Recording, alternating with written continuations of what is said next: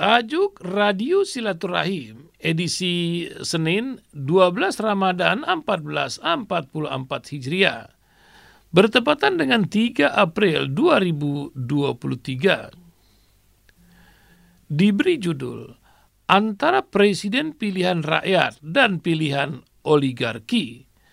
Sebuah tulisan dari Isya Ansori, akademisi dan kolumnis.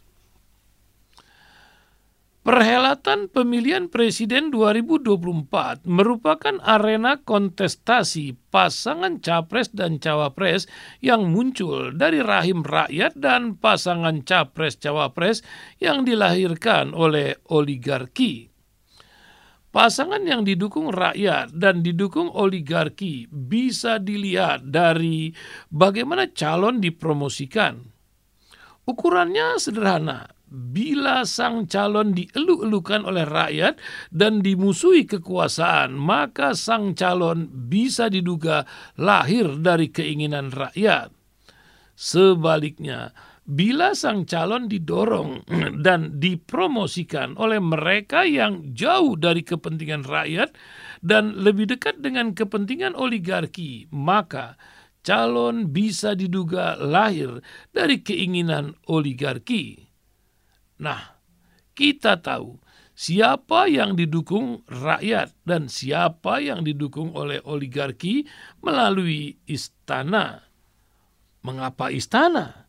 Karena istana selama periode pemerintahan ini lebih banyak berpihak pada kepentingan oligarki.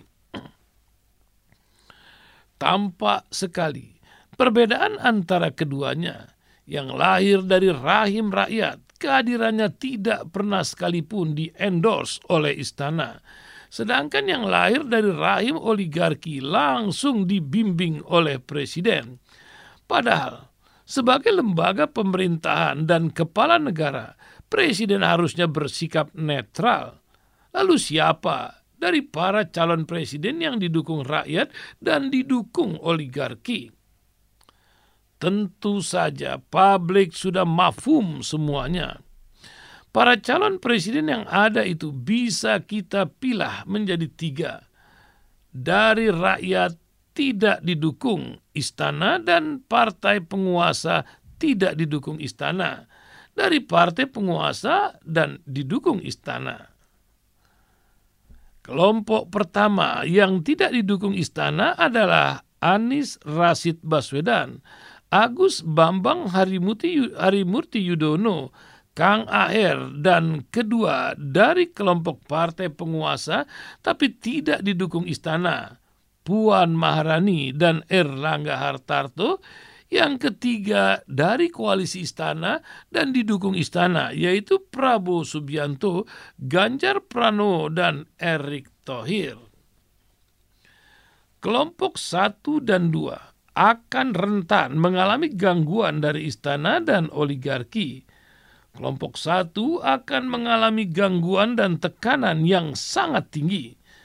Kelompok satu akan dianggap sebagai kelompok yang tidak akomodatif dan merubah konstelasi yang sudah dibangun oleh kelompok tiga.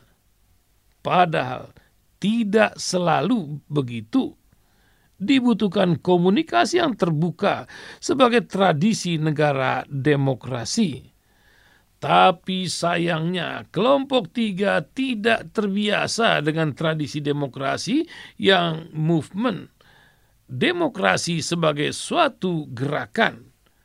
Kelompok tiga lebih banyak bermain pada demokrasi seolah-olah. Sehingga demokrasi kita sering kali mengalami manipulasi. Kelompok satu yang saat ini berada dalam wadah koalisi perubahan untuk persatuan direpresentasikan oleh Anies Baswedan sering kali dianggap sebagai antitesis terhadap kelompok tiga. Sehingga aktivitas Anies sering kali mengalami gangguan-gangguan. Apalagi narasi yang dibawa Anies adalah narasi memenuhi janji kemerdekaan – sebuah janji para pendiri bangsa ketika memproklamasikan kemerdekaan bangsa. janji mewujudkan kemerdekaan, perdamaian, ketertiban, persatuan, dan keadilan sosial. Kelompok satu ini adalah kelompok yang mengusung calon presiden yang memang lahir dari rahim rakyat dan menjadi harapan rakyat. Koalisi kelompok dua yang tergabung dalam koalisi Indonesia Bersatu adalah koalisi yang diharapkan menjadi alternatif kendaraan istana dan oligarki. Bila kepentingan istana dan oligarki mengalami kebuntuan, namun sayangnya, koalisi ini adalah koalisi rentan karena masing-masing partai politik juga punya kepentingan sendiri. Jadi masih menjadi bagian dari istana dan oligarki. Kelompok ini bisa saja menentukan jalannya sendiri. Dan ini sudah dibuktikan oleh Partai Nasdem dan juga PDIP. Partai Nasdem mengusung Anies Baswedan dan PDIP konon kabarnya akan mengusung Puan. Hal lain yang dilakukan PDIP adalah sikap tidak sejalan dengan istana dalam kasus tim nasional Israel di Piala Dunia U20 yang diadakan di Indonesia. Meski dalam sikap tidak sejalan ini ada Ganjar Pranowo yang merupakan capres dari kelompok tiga. Akibat pilihan inilah kini nasib Ganjar menjadi tidak pasti. Kehadiran Partai Golkar dan P3 dalam acara bukber yang diadakan oleh Partai Nasdem yang juga dihadiri oleh Anies Baswedan beserta partai-partai koalisi perubahan untuk persatuan mengindikasikan bahwa kelompok dua pun mulai rentan meninggalkan istana dan kelompok tiga.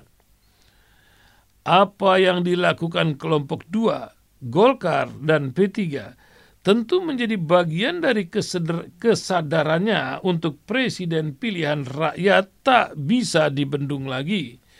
Sehingga menjadi rasional pernyataan Erlangga Hartarto bahwa koalisi yang lebih besar akan terbentuk lagi koalisi yang bisa diharapkan menyelamatkan Indonesia agar lebih baik lagi dalam memenuhi janji kemerdekaan. Setidaknya bila melihat konstelasi politik yang terjadi saat ini, di mana kekuatan kelompok tiga yang semakin melemah, hilangnya trust masyarakat akibat salah kebijakan dan keberpihakan, maka Kombinasi kelompok satu dan kelompok dua adalah keniscayaan untuk melayani rakyat dan melawan oligarki. Lalu siapakah itu? Tersedia pilihan Anis Kofifa, Anis Erlangga Hartarto, Anis Puan, Anis Ahaye, dan Anis Aher adalah pasangan murni koalisi perubahan untuk persatuan. Tapi akan sulit diterima dalam kompromi politik. Pilihannya hanya tiga, Anis Kofifa, Anis Erlangga Hartarto, dan Anis Puan. Wallahu a'lam bisawab.